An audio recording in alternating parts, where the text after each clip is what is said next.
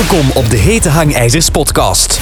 Maatschappij-kritische gesprekken over actuele thema's zonder censuur. Met uw gastheer Filip van Houten. Welkom iedereen in de Hete Hangijzers podcast. Vandaag heb ik Joachim van Wing als gast. Joachim is zaakvoerder in de kunststoffen- en plasticsindustrie en ook een van de experten op vlak van olie en energie. Als alle olie-industrie weg zou zijn in de wereld en men zou niet meer olie gebruiken, wat zou er dan gebeuren, Joachim? Dat is, dat is een vraag die, die iedereen voor zichzelf ook wel kan beantwoorden. Hè? Want gewoon alles in uw huis haalde weg. Hè? Hoe gaat het uw koelkast vullen zonder, zonder energie, zonder petroleum? Uh, hoe, hoe zouden we die camera tot hier krijgen vanuit een magazijn? Hoe, noem het op. Noem, alles, alles is uiteindelijk, alles is uiteindelijk uh, fossiele brandstof en petroleum. En, en, het grootste deel van onze welvaart komt uit die, die gigantische hoeveelheid energie die we daar de afgelopen honderd jaar super goedkoop mee hebben kunnen omzetten in levenskwaliteit en in activiteitsgraad. Dus als je fossiele brandstoffen gaat weghalen uit heel ons systeem, ja, dan gaan we dat met iets anders moeten vervangen. Heel simpel. En we gaan het daar zeker straks nog over hebben, maar de energy return on energy invested van uh, fossiele brandstoffen en voornamelijk liquid fuels zoals benzine en diesel, die is zo waanzinnig hoog dat dus ieder alternatief uh, bijna gedoemd is om een veel lager rendement te hebben. En dus veel meer energie gaat kosten um, uh, en veel complexer zal worden. Maar dat gezegd zijnde, blijkt dat de laatste jaren ook onze fossiele brandstoffen altijd complexer worden zijn. Dat zie je met wat dat er op de gasmarkt is gebeurd het afgelopen jaar. Uh, dat zie je wat er nu gebeurt op de ruwe oliemarkt. En dat zie je dan met een beetje vertaling, zie je dat ook vertaald um, in, in, in dieselprijzen. Maar 90, 95 procent van heel ons distributienetwerk, 90 procent van alles wat in je koelkast ligt, uh, onder je gootsteen staat, je kledingkast, als je die opentrekt, 90% van alles wat je daar vindt, ja, dat is tot bij u geraakt, bij ons thuis geraakt, dankzij liquid fuels. En bijna, dat is bijna exclusief diesel. Dus als je mij vraagt, ja, hoe zou een wereld er zonder fossiele brandstoffen uitzien? Ja, als je morgen gewoon heel de kraan toedraait, ja, dan zit je eigenlijk gewoon in 1910. Zo, ongeveer. Probeer eens probeer eens uh, u een, een, een, chirurgische ingreep in te beelden zonder uw olie. Dat wil dan zeggen zonder plastics, zonder kunststoffen. Dan zitten we ook weer in, in 1940 qua technologie. Maar daar zijn alternatieven voor. We hebben alternatieven. Maar die zijn, die zijn minder handig en die zijn in het verleden waren die altijd duurder dan, um, uh, dan gewoon ruwe olie oppompen uh, uit, uit, landen die, die al 80 à 100 jaar onze ruwe olie beleveren. En dat eigenlijk nog wel willen blijven doen. Willen blijven doen en ook kunnen blijven doen. Want jij bent ook een expert op vlak van peak oil. Dat men zegt van oké, de olie zal binnen zoveel jaren opgeraken. Uh, willen en kunnen die olielanden wel zo nog verder blijven doen? En indien ja, hoe lang kunnen ze dat zo nog verder blijven doen? Ja, over dat willen blijven doen, Filip. Uh, uh, als wij natuurlijk hier tegen al die olieproducerende en olie-exporterende landen, want dat is een heel belangrijk verschil, uh, als wij van de daken schreven dat wij volledig fossielvrij gaan, we gaan, wat is de Parijsakkoorden 2030, 2035, 2050, ja, als, je, als, als landen als uh, Saudi-Arabië en, en, en, en de Verenigde Arabische Emiraten, Iran, Irak, Venezuela, Mexico, Angola, Algerije, noemt alle grote producenten maar op. Als wij tegen die mensen gaan vertellen, wij gaan jullie binnenkort niet meer nodig hebben en we gaan er alles aan doen om jullie belangrijkste exportproduct niet meer aan te kopen. Dan moet je ook niet verbaasd zijn dat je ineens vijf banken achteruit gaat. En dat zij kijken naar handelspartners die zich committen voor de komende 20, 30, 40 jaar. Dat is, dat is normaal. Dat wij, dat wij daar aan aankooppositie en aan aankooppower hebben ingeboet. Gewoon door onze politici die, die met de fanfaren op kop hebben gezegd wij hebben jullie binnenkort niet meer nodig. We gaan het zonder jullie doen. ja, dat, uh, dat, dat, dat triggert een bepaald voorspelbaar menselijk gedrag bij de olie-exporterende landen. En van, van de aantal olieproducerende landen zijn steeds minder landen nog olie exporterend. Ja? Want de vraag van de toekomst is niet welke landen gaan nog olie, hè, want je hebt het nu over peak oil. De vraag is dus niet welke landen gaan de komende tijd nog olie produceren. De echte vraag is eigenlijk welke landen gaan ons de komende 10, 20, 30 jaar nog olie willen blijven leveren. Of zullen we nog in staat zijn om olie te exporteren zoals ze dat tot 2019 hebben gedaan. Want je brengt het zelf op oil. Dat is een van mijn data's. Uh, ik ga daar heel graag over, omdat ik die data toch ook wel redelijk goed ken. Ja, oil is, is heel simpel het moment waarop dat de dagdagelijkse hoeveelheid olie die kan worden opgepompt en verdeeld aan de wereldeconomie, dat die hoeveelheid niet meer stijgt. Dat betekent dat die een maximum bereikt en dat die om geologische redenen vanaf dat moment begint af te kalven. Door oliebronnen die steeds ouder en trager worden, minder druk hebben op dat reservoir, waardoor dat je met technische kunstgrepen en heel veel geld en technologie er alles aan doet om toch iedere dag die hoeveelheid olie te blijven produceren uit al die oude velden.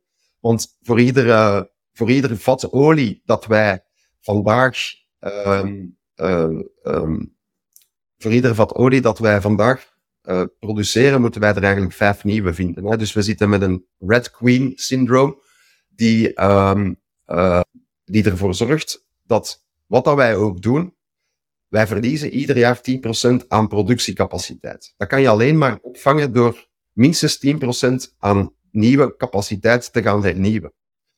Maar dat doe je alleen door nieuwe, nieuwe reserves, uh, die gekend zijn, van die online te brengen. Maagdelijke velden, die je ook in productie gaat brengen. Nu, die hele grote velden waar dat wij al 30, 40, 50 jaar opteren. Uh, Cantarell is nu ook bijna helemaal weggevallen, maar het Gawarveld bijvoorbeeld is nog altijd het grootste uh, veld ter wereld. En, er zijn ook al hele grote velden, gelukkig. Zo'n grote velden vinden wij niet meer natuurlijk. Hè. Als die er waren, hadden we die al gevonden, hadden we die al aangeboord en, en online gebracht. Dus um, Moesten we geen nieuwe velden meer vinden hè? en men werkt met de huidige oliecapaciteit. We kunnen ook hebben over abiotische olie, of dat je denkt dat dat een rol speelt of niet. Hoe lang zullen we dan nog met de huidige productie en de vraag kunnen blijven doorgaan? Heb je daar een idee van? Niet, alleen niet. Omdat, omdat als wij vandaag niks niet toevoegen, dan verliezen wij 10% per jaar. Dus wij, wij, wij produceren, dus wij, de wereldeconomie, wij als menselijke soort, ja, uh, wij produceren iedere dag allee, 30 miljard vaten per jaar. Dat is omgerekend 85, 90 miljoen liquid, vaten aan liquid fuels, crude oil, uh, per dag. Dus iedere dag worden er 85, 90 miljoen vaten geproduceerd, verkocht, verhandeld, verbruikt, verwerkt en verbrand. Iedere dag. En daar hangt ook ons, ons financieel systeem vanaf natuurlijk. Want uh, alleen door energie te injecteren in dat systeem, garandeer je natuurlijk die continue groei die ons systeem ook nodig heeft. Dus als je kijkt naar de financiële impasse waarin wij nu echt onvermijdelijk aan het insukkelen zijn en dat je met geen enkele kunstgreep nog kan onderdrukken, ja, dan moet je weten dat peak oil daar een heel, belangrijke, een heel belangrijk onderdeel is. Want ik heb nu de grafiek hier niet liggen. Um, Misschien kun je ze erin plakken. Mm -hmm. Het is een grafiek die u aantoont dat eigenlijk in 2019 de productie van conventionele ruwe olie al aan het dalen was. En dan is COVID gekomen. Dan heb je totale instorting gekregen. Dan hebben ze in 2021 is dan alles weer opgestart. Maar wij hebben natuurlijk, na, na COVID, hebben wij niet meer die, die, die hoogte gehaald van voor COVID als het gaat over conventionele olie. Maar wie dat voor COVID in 2019 al naar de curve keek, die zag toen al dat toen, zonder COVID, de, de dagdagelijkse productie ook aan het afkalven was. Dus dat is... als je mij vraagt, ja, wanneer gaat peak oil gebeuren en bestaat de kans dat dat ooit zou gebeuren? Wel, alle data die we vandaag hebben wijst er eigenlijk op dat we in 2019 in de cijfers eigenlijk peak oil hebben bereikt op een wereld, op een mondiaal vlak.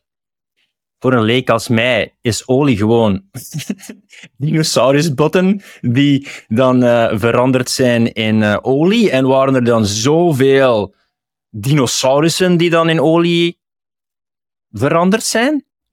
Ja, je, je wilt weten wat fossiele brandstof is eigenlijk. Hè? Juist, er zijn, zijn er dan zoveel gigantische fossielen over heel de wereld. Jij spreekt over zoveel miljarden vaten. Ik vraag me dan af van hoe is dat eigenlijk kunnen gecreëerd worden? En enkel dan uit, uit fossielen? Ja, um, uh, fossiel, de, de, de, de, benaming fossiele brandstof is in Genève in uh, 1895 is in, de, in, in Genève vastgelegd. En dat was ruwe olie die een aantal samenstellingscomponenten moest bevatten. Maar wij weten dat de conventionele biogene crude oil, die dat wij conventionele olie noemen, dat is olie die is gevormd in twee, uh, in twee fasen. Twee, die, op twee momenten is die uh, gevormd. Dat is tijdens momenten van, uh, van global warming, broeikaseffect. Um, ongeveer, wat is het, een, een 110, eh, 120 miljoen en bijna 200 miljoen jaar geleden. Zat je met een gigantisch broeikaseffect op aarde, waardoor dat uh, bepaald soort plankton en algen ongelooflijk dominant zijn geworden. Die zijn beginnen woekeren en hebben heel het aardoppervlak en die oerzeeën verziekt. En zoals in een petrischaaltje, als die hun voeding op is, sterven die plotseling, sterft heel die cultuur af. En is al die biomassa algen is naar de bodem gezakt. En alleen daar waar door aardverschuivingen die biomassa bedolven is geraakt onder on ondoordringbare steenlagen. En alleen daar waar dat die mooi afgesloten gedurende 100, 150 miljoen jaar onder hoge druk en onder hoge temperatuur heeft kunnen uitlogen, daar heb je wat dat wij vandaag crude oil noemen. Dat is biogene ruwe olie. En heel veel mensen verwarren dat met de abiotische olie, die hoe langer hoe meer ontdekt wordt. Dus er zijn een aantal plekken op aarde waar wij van weten dat abiotische olie doorcijpelt tot in de reservoirs waar dat wij al 120 jaar aan het boren zijn. En dat is alleen per toeval, want het is alleen maar omdat je dus een, dat, dat die twee, dat die abiotische olie tot daar doordringt. En ik denk dat de geologische bewijslast meer dan volstaat om te mogen stellen dat abiotische olie echt, echt is en echt bestaat. Abiotische olie zijn gewoon waterstoffen en koolstoffen die zich heel diep onder in de mantel, dus veel, veel dieper dan de korst waar, waar, wij boren, maar dus veel dieper, die zich daar, uh, ja, waterstoffen en koolstoffen, die zich daar onder, ook onder hoge druk en hoge temperatuur binden. En die hebben een soort vergelijkbare samenstelling, moleculaire samenstelling, als bijvoorbeeld wat wij shale zouden noemen. Daarmee kunnen nog het meest vergelijken. En ja, die is natuurlijk veel armer in kwaliteit, maar dat, dat, kan je ook raffineren. En uh, die duikt dus op in reservoirs waar wij al boren. En dus reservoirs die leeg geraken, um, die, um, daar, daar heb je dus abiotische olie. Die is totaal anders van samenstelling. Dus het feit dat die twee naast elkaar bestaan, daar bestaat eigenlijk onder geologen geen enkele discussie over. Biogene olie op basis van, uh, dus wat wij fossiele brandstof noemen, op basis van afgestorven algen en plankton, die is gewoon veel rijker in uh, chlorofiel, um, uh, in chlorofiel en in cholesterol. Abiotische olie veel, heeft dat niet. En daardoor kan je die twee heel duidelijk van elkaar scheiden. Dan weet je ook wat van welke oorsprong is. Nu, kan men eigenlijk niet, zoals dat men kernenergie uit een atoom creëert en dan het zelf recreëert om zoveel energie eruit uit te uh, op te wekken, zou men niet zelf de omstandigheden kunnen creëren die je net aangehaald heeft om meer olie te creëren? Ja, dat doen we al. Hè. Dat is biofuel. Hè, dus dan gaan wij, uh, dan gaan wij aardappelen of, of maïs of, of noem het op, of suikerriet, gaan wij met dieselvrachtwagens en tractoren gaan wij verwerken, dan gaat dat, wordt dat gemalen, wordt dat gedroogd, wordt dat dit, wordt dat dat, gaat dat door, hè, wordt dat uitgedroogd onder hoge druk ook, en dan gaan wij daar distilleren, hè, dan gaan wij daar koolwaterstoffen van maken, dan heb je biofuel. Maar daar steek je dus onwaarschijnlijk veel energie in, hè. Dus de EROI, hè, dus de Energy Return of on Energy Invested van een vat biodiesel bijvoorbeeld, of wat dat ze e-fuels noemen, omdat dat dan e- en groene brandstoffen, ja, dat is één op één. Hè. Je steekt daar evenveel energie in als dat je daar dan onder de vorm van vloeibare brandstof uithaalt. Dus dat kan, wat dat je zegt, ja, wij kunnen dat vandaag, wij doen dat al. Als jij zegt dat we zo afhankelijk zijn van olie, zoveel aspecten van ons leven, men praat al zo lang over de energietransitie en de vervanging van olie. Zitten we in een situatie van Tina, er is no alternative. Er is geen enkel alternatief dat zoveel impact heeft voor wat het hierin steekt als olie. Of zijn er potentiële interessante bronnen die naar die duurzame energie kunnen gaan, die niet enkel olie is? Ja, wat je nodig hebt natuurlijk als je alles wil gaan elektrificeren, want ik denk dat we daar dan naar kijken. Ehm, dat is natuurlijk niet te nagesproken alle technologie uh, die, uh, die Tesla bijvoorbeeld heeft ontwikkeld uh, eh, 120 jaar geleden. Als, hè, dus daarover hebben we het niet. We hebben het ook niet over, over capacity engines en, en totaal exotische manieren die, van, van elektriciteitswinning. We hebben het over de typische manier zoals dat wij die in het straatbeeld kennen. Zonnepanelen, uh, uh, uh, windmolens, hè, dus windturbines moet ik eigenlijk zeggen. en dan het verbranden van, van hè, thermisch, hè, dus thermische energie. en kernenergie misschien? En nucleair, ja. Dus ja, dan kijk je, de huidige generatie, het grote, grote nadeel van de huidige generatie kernreactoren is dat we eigenlijk blijven zitten met, met, met nucleair afval, dat nog meer dan 90, 95 procent van zijn totale energie nog in zich draagt. En dan moet je dan tussen de 300 en de 100.000 jaar veilig gaan opslaan. Ja, dat is een ongelooflijke maatschappelijke kost. Als je die er zou beginnen bijrekenen, bij kernenergie, dan wordt dat ineens een pak minder interessant. Um, wat dat kernenergie ook minder interessant vond, de huidige. Hè. Uh, maar, dus de manier waarop we vandaag uh, uranium gebruiken. En dat is natuurlijk dat je daar, uh, en dat gaan ze in, in, Brussel en in Washington vinden ze dat ook helemaal niet prettig. En in Straatsburg, dat is het feit dat, ja, hoeveel is het? Ik schat, ik, ik ken de cijfers niet 100% van buiten, maar het is ongeveer 80% van alle yellow cake, dus alle uranium, die, die is afkomstig uit, uit Kazachstan. Wie heeft de beste akkoorden en de beste historische relaties met Kazachstan? Rusland. Wie heeft de, veruit de meeste raffinage en verrijkingscapaciteit? Rusland. Waar dat je eigenlijk naar kijkt, is naar de volgende generatie thoriumreactoren of zo. Uh, uh, liquid, liquid salt en zo. Um, die, die generatie. En uh, dat zijn ook zaken, de Fransen, de Israëli's, de Amerikanen. Um, en voornamelijk ook de Chinezen zijn daarmee bezig. En er, er, er zijn proof of, concept, proof of concepts van. Hè. Dus um, dat zou wel een serieuze doorbraak zijn als je bijvoorbeeld thoriumreactoren kan uh, beginnen opstarten. Die zijn ook kleiner, modulair. Um, dan nucleair afval daarvan is quasi onbestaand. Dat gaat, dat gaat zelfs huidig nucleair afval, kan dat gaan monteren um, als brandstof en zo verder. Ah, er zijn tal van mogelijkheden. Dat is nog in volle ontwikkeling. We, zullen wel zien waar dat dan naartoe gaat. Heel veel daarvan is ook proprietary. Hè? Dus um, zal ook geostrategisch, geopolitiek uh, niet onbelangrijk zijn wie, wie welke modules als eerste kan aanbieden aan welke prijs in 2030 of zo. Um, of vroeger. Of vroeger. In hoeverre zijn oliebelangen de grootste motivator of waren de grootste motivator in militaire conflicten? Maar het is gewoon exemplarisch. Wij hebben het nu over olie. Uh, voor de Spanjaarden, 400 jaar geleden, was dat goud. Ja? Uh, voor de Romeinen was dat hout. Om, hè? Dus de, het, de, het Amerikaanse Rijk. Het Romeinse Rijk, daar, daar, is heel veel documentatie en, en lectuur over te vinden dat die werkelijk naar de Germaanse gebieden zijn gedreven op zoek naar hout. Boomstammen. Um, om wegen aan te leggen, om, um, om ertsen te smelten, om boten te bouwen, om als, als bouwmaterialen voor bouwwerken en dat allemaal. Um, er bestaat lectuur over die wijst dat er een, een totale houtschaarste was in het Romeinse Rijk. En dat dat de reden was om de, de Germaanse bossen te gaan aansnijden en kappen.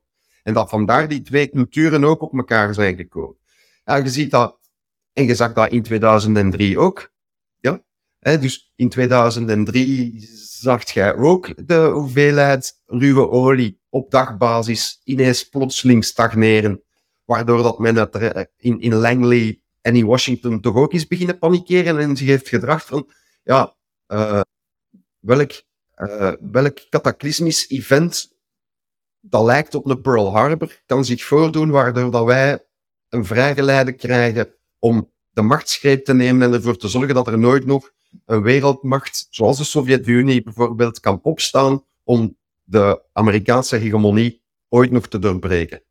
Ja, dan zie je dat, zoals uh, Wesley Clark, uh, was een vier-sterren-generaal, denk ik, uh, dat achteraf ook heeft gezegd, ja, er lagen gewoon de dag na 9-11 lagen de plannen op tafel om, uh, wat was het allemaal? Uh, Syrië, Jordanië, Algerije, Iran, Irak, noem allemaal maar op. Al die landen die geregime-changed zijn, Libië, om die te gaan binnenvallen. En Irak uiteraard, met 4, 5 miljoen vaten per dag, is echt een van de allergrootste producenten ter wereld, natuurlijk. Um, ja. Uh, uiteraard speelt dat mee. Uiteraard speelt dat mee. En, en dus olie blijft zeker nog 20, 30 jaar een van de allerbelangrijkste brandstoffen en energiebronnen hè, die we hebben. Hè. Heel onze install base is, draait op olie. Uh, iedere, iedere wagen in de Filipijnen en in Peru en in, en in Mexico, die, daar, zijn, daar rijden geen elektrische auto's rond. Hè. En in Gabon en in Borneo, ik bedoel, iemand in Borneo of, of Laos, binnen 10, 20, 30 jaar, als die met de wagen wil rijden, zal die dat doen op fossiele brandstoffen. Hè. Alle, alle steenkool, alle uranium, alle aardgas, alle petroleum die wij de komende 20, 30, 50 jaar nog gaan vinden, die gaan wij gewoon hier aan de oppervlakte beginnen opbranden.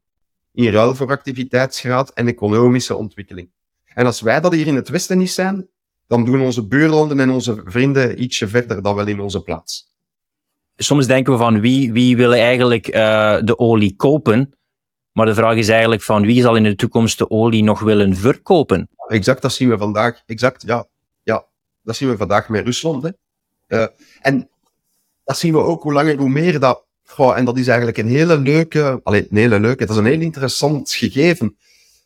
Maar het is vrij complex. Ik ga proberen om dat uit te leggen. Allee, ik hoop dat ik het goed kan uitleggen. Um, dat is waar, waarom, waarom China al sinds 2013 eigenlijk nauwelijks nog treasury bonds koopt, T-bills en, en, en uh, US bonds en 10-year securities koopt. Wat, dat is wat dat de petrodollar cycle eigenlijk is. Dat is dat in de olieverkoop heb je eigenlijk drie partners. Je hebt de olieproducerende landen, je hebt de oliekopende landen en dan heb je de Verenigde Staten. En alles gaat via de Verenigde Staten. Omdat al die olie werd via het petrodollar system werd in dollars verhandeld. En om olie aan te kopen moest iedere klant moest eerst dollars aankopen. Wat deden de olieproducerende landen met de proceeds van hun verkoop? Zij injecteerden dat en staken dat in Amerikaans schuldpapier. Daarmee financierden zij uh, uh, alle schulden die de dollar als wereldmunt als reservemunt kon opstapelen.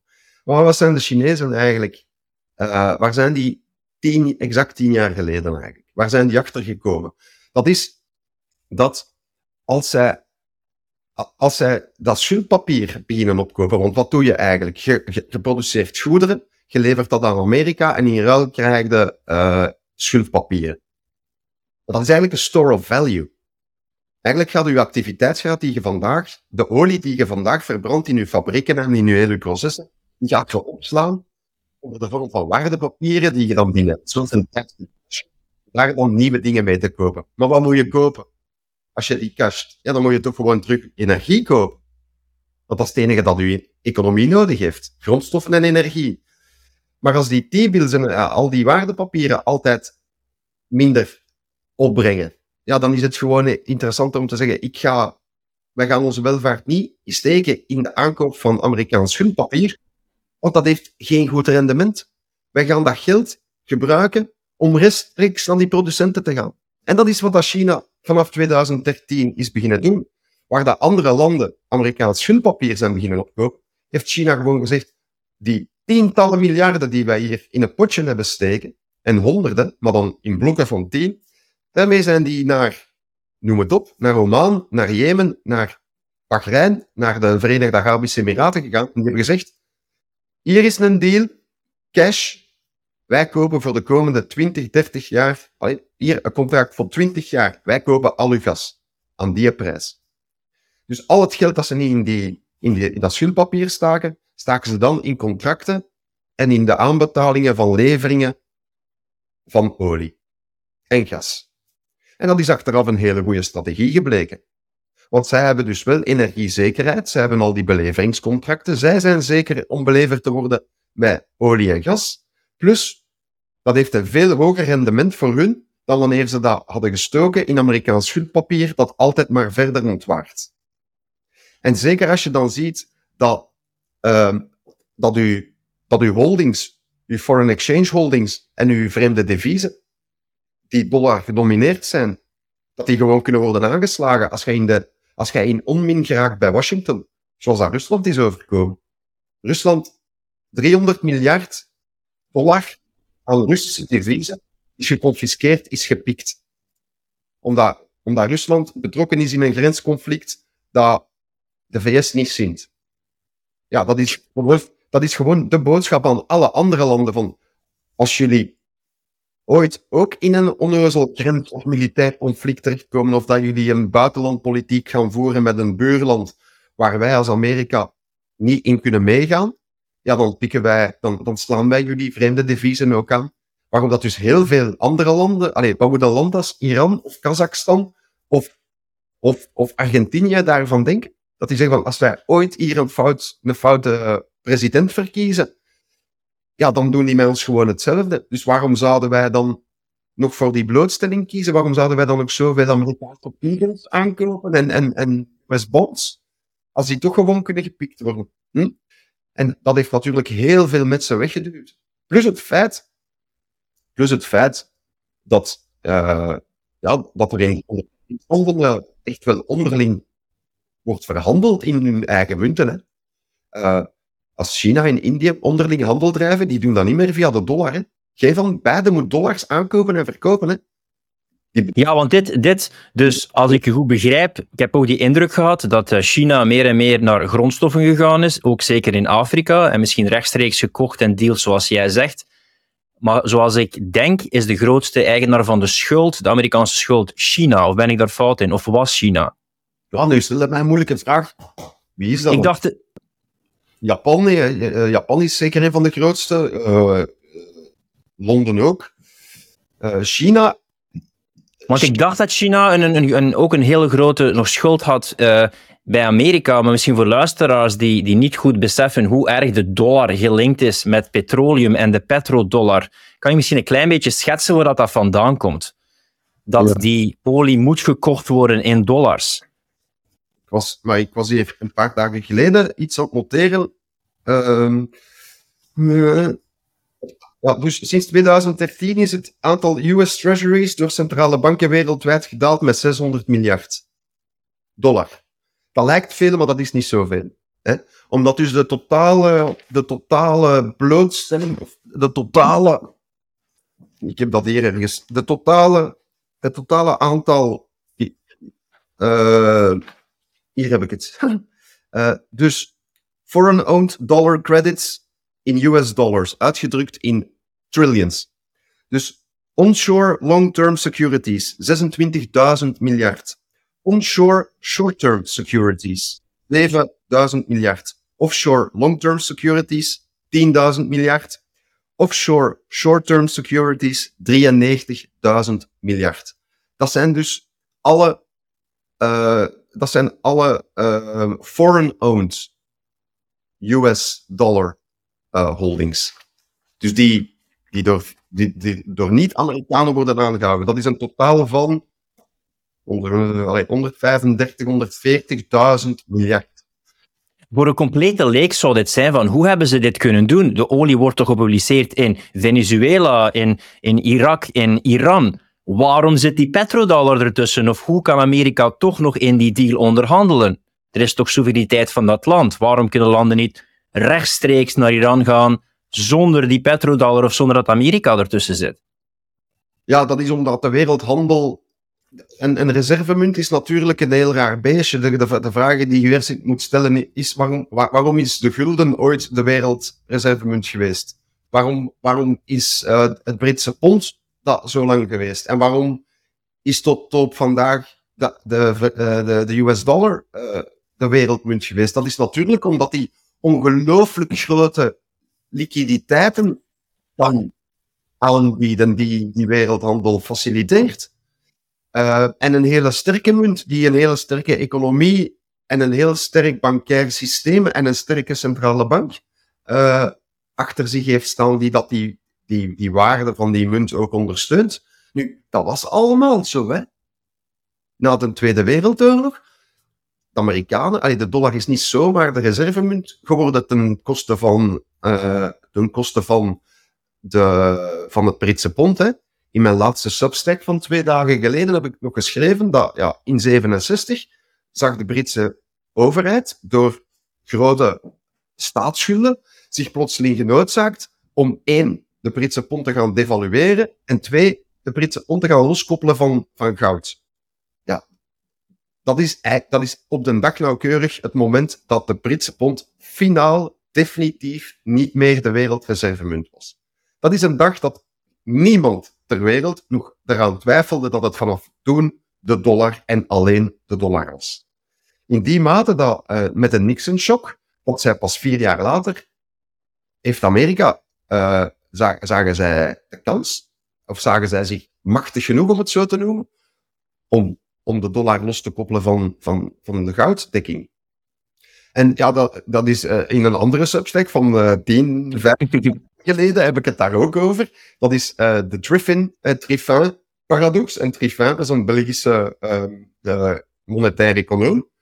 En die erop wees dat het bijzonder moeilijk is dat je altijd wel in een tweespalt of in een spagaat terechtkomt. Dat is als, dat is wanneer jij de reservemunt bent, ja, dan moet je het aantal liquiditeiten constant kunnen expanderen om al die groei en al die, uh, al die financiële securities te gaan uh, financieren.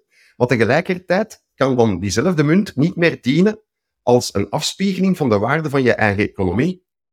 Want er zijn dus duizenden miljarden in omloop in dollars. Maar de Amerikaanse economie is maar 22.000.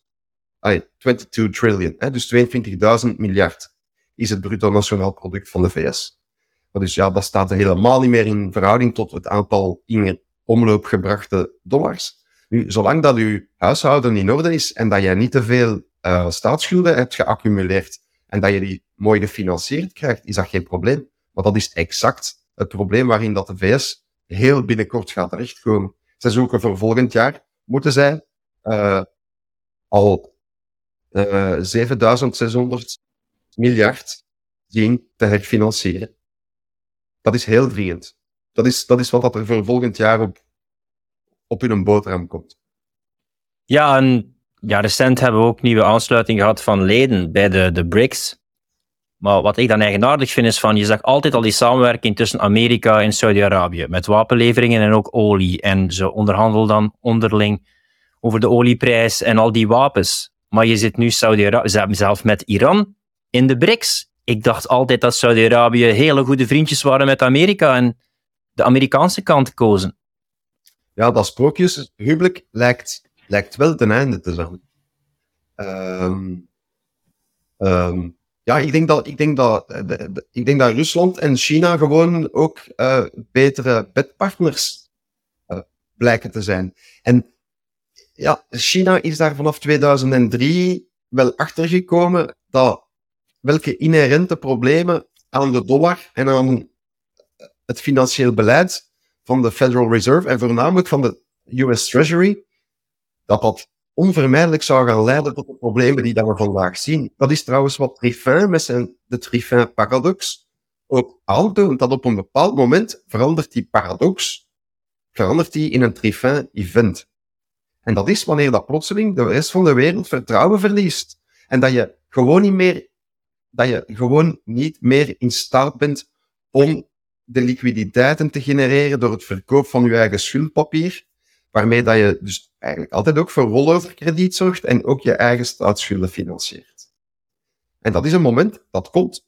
En de Saoedi's zijn financieel meer dan goed beslagen om te weten dat die hegemonie, die, die, die zien ook wat aan de, aan de horizon opdoemt. Hè? Uh, opkomende machten, opkomende economieën en dan een dalende VS, uh, die toch een aantal serieuze beleidsfouten en gemels heeft geslagen, waardoor dat ze nu sneller dan verwacht eigenlijk het plot ontverlezen zal.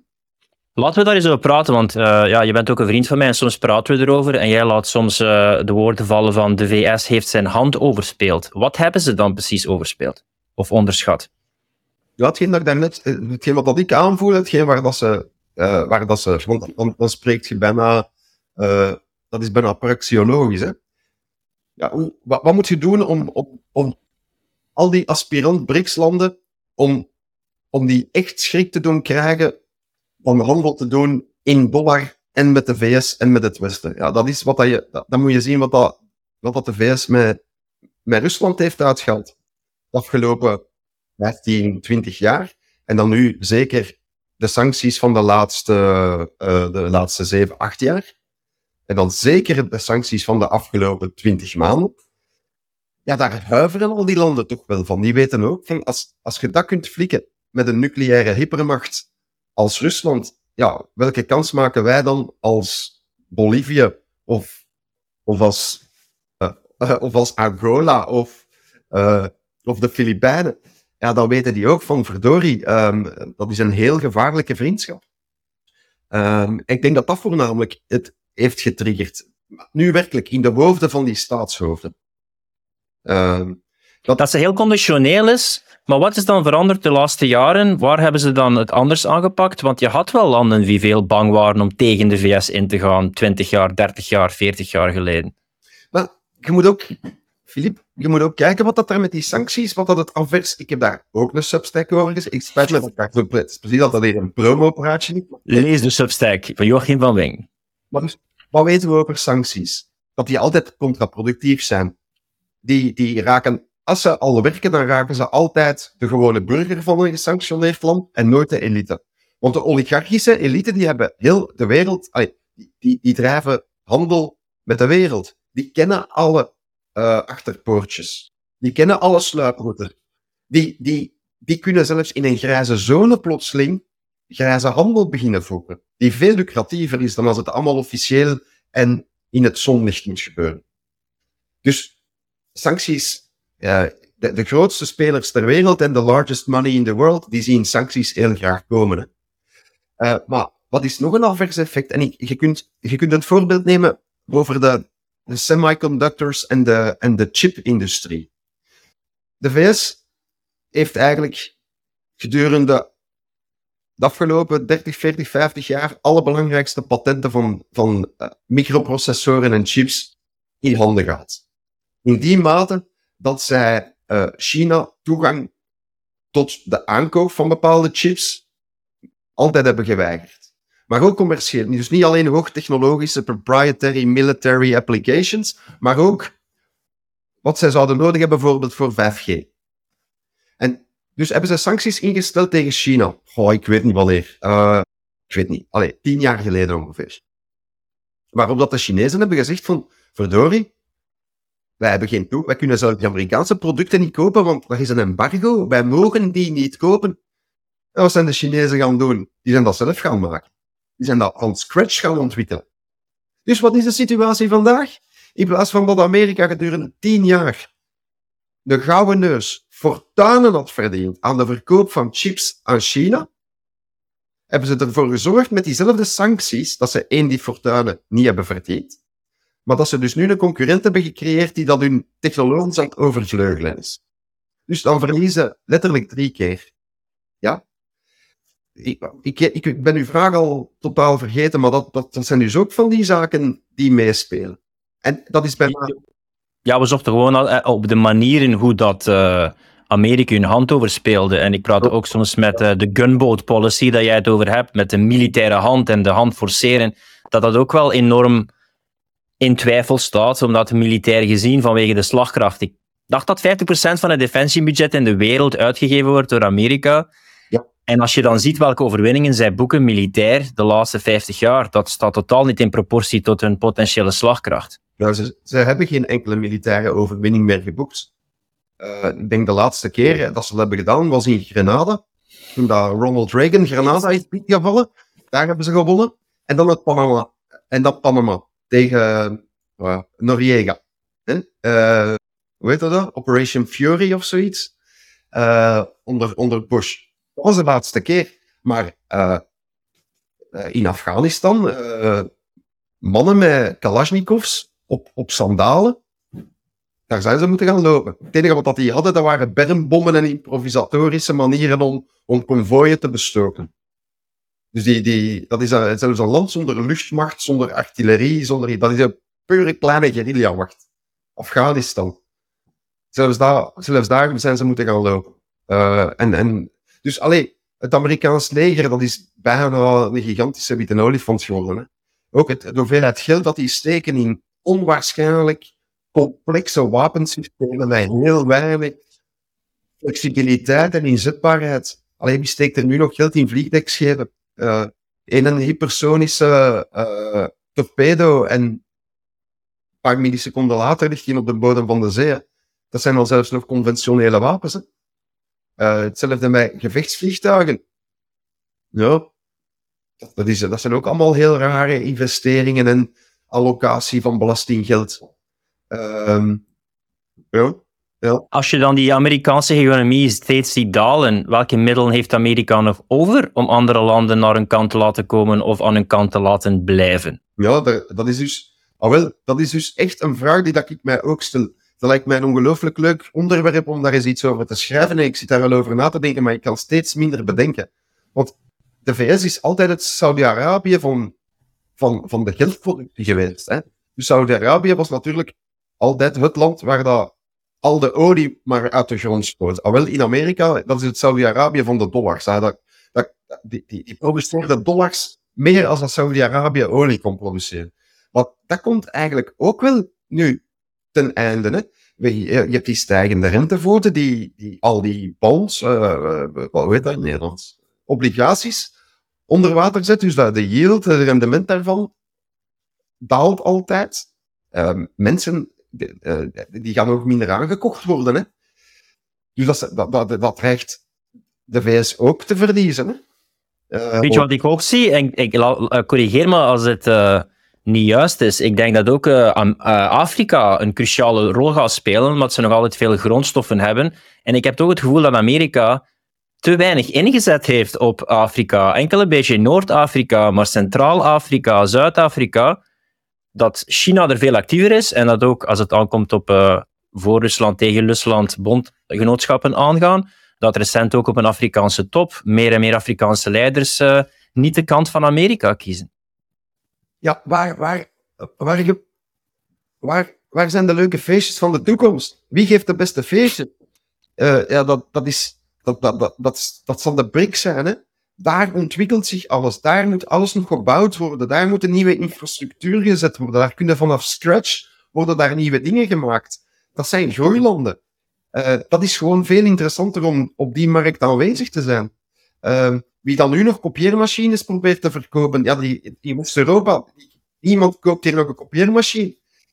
Maar ik denk, een printerken of, of, of zoveel kun jij in, in Kazachstan en, en zo nog wel verkocht krijgen. Snap je? Onnozele zaken, alles.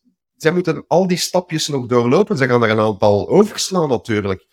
Um, maar het is daar waar het allemaal gebeurt. En natuurlijk zijn landen als, de Afrikaanse landen, ja, uh, die, die, ja, die, die zijn ons ook een beetje beu. Wij, wij zwaaien daar al drie, vier, vijfhonderd jaar de plak.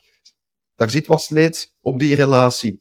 En zij krijgen een iets leuker en fijner gevoel van, van nieuwe groeilanden als China en Indië. En, en dat, ja, dat zijn ook goede betalers. Hè.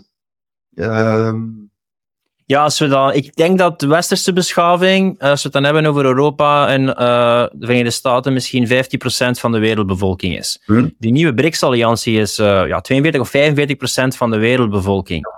Ja. Um, ja, dat zijn wel enorm verontrustende uh, ontwikkelingen. Voor Amerika ook, maar ook zeker voor ons als Europeanen. Hoe komt het dan toch dat wij maar blijven dansen op de afscheidsfanfare muziek op de Titanic van Amerika, in plaats van onze eigen koers te kiezen en te denken van misschien moeten wij eens een keertje gaan draaien naar de BRICS of onze allianties herbekijken? Ja, ja dat is zeker zo. Hè. Dat is zeker zo. Maar oh, ja, kunt je ook afvragen, waarom, waarom laat je als Europa toe dat een grensconflict, zoals in Oekraïne, dat dat heel onze economie ontwricht. Kan je daar eens wat dieper op ingaan? Met, heb je daar bepaalde cijfers over van de energieafhankelijkheid en de impact van het Oekraïne-conflict en de sancties tegen Rusland? Ja, dat gaat voornamelijk gewoon over gas. De gastoevoer. En uh, België is niet zo afhankelijk van Russisch gas geweest. Hè?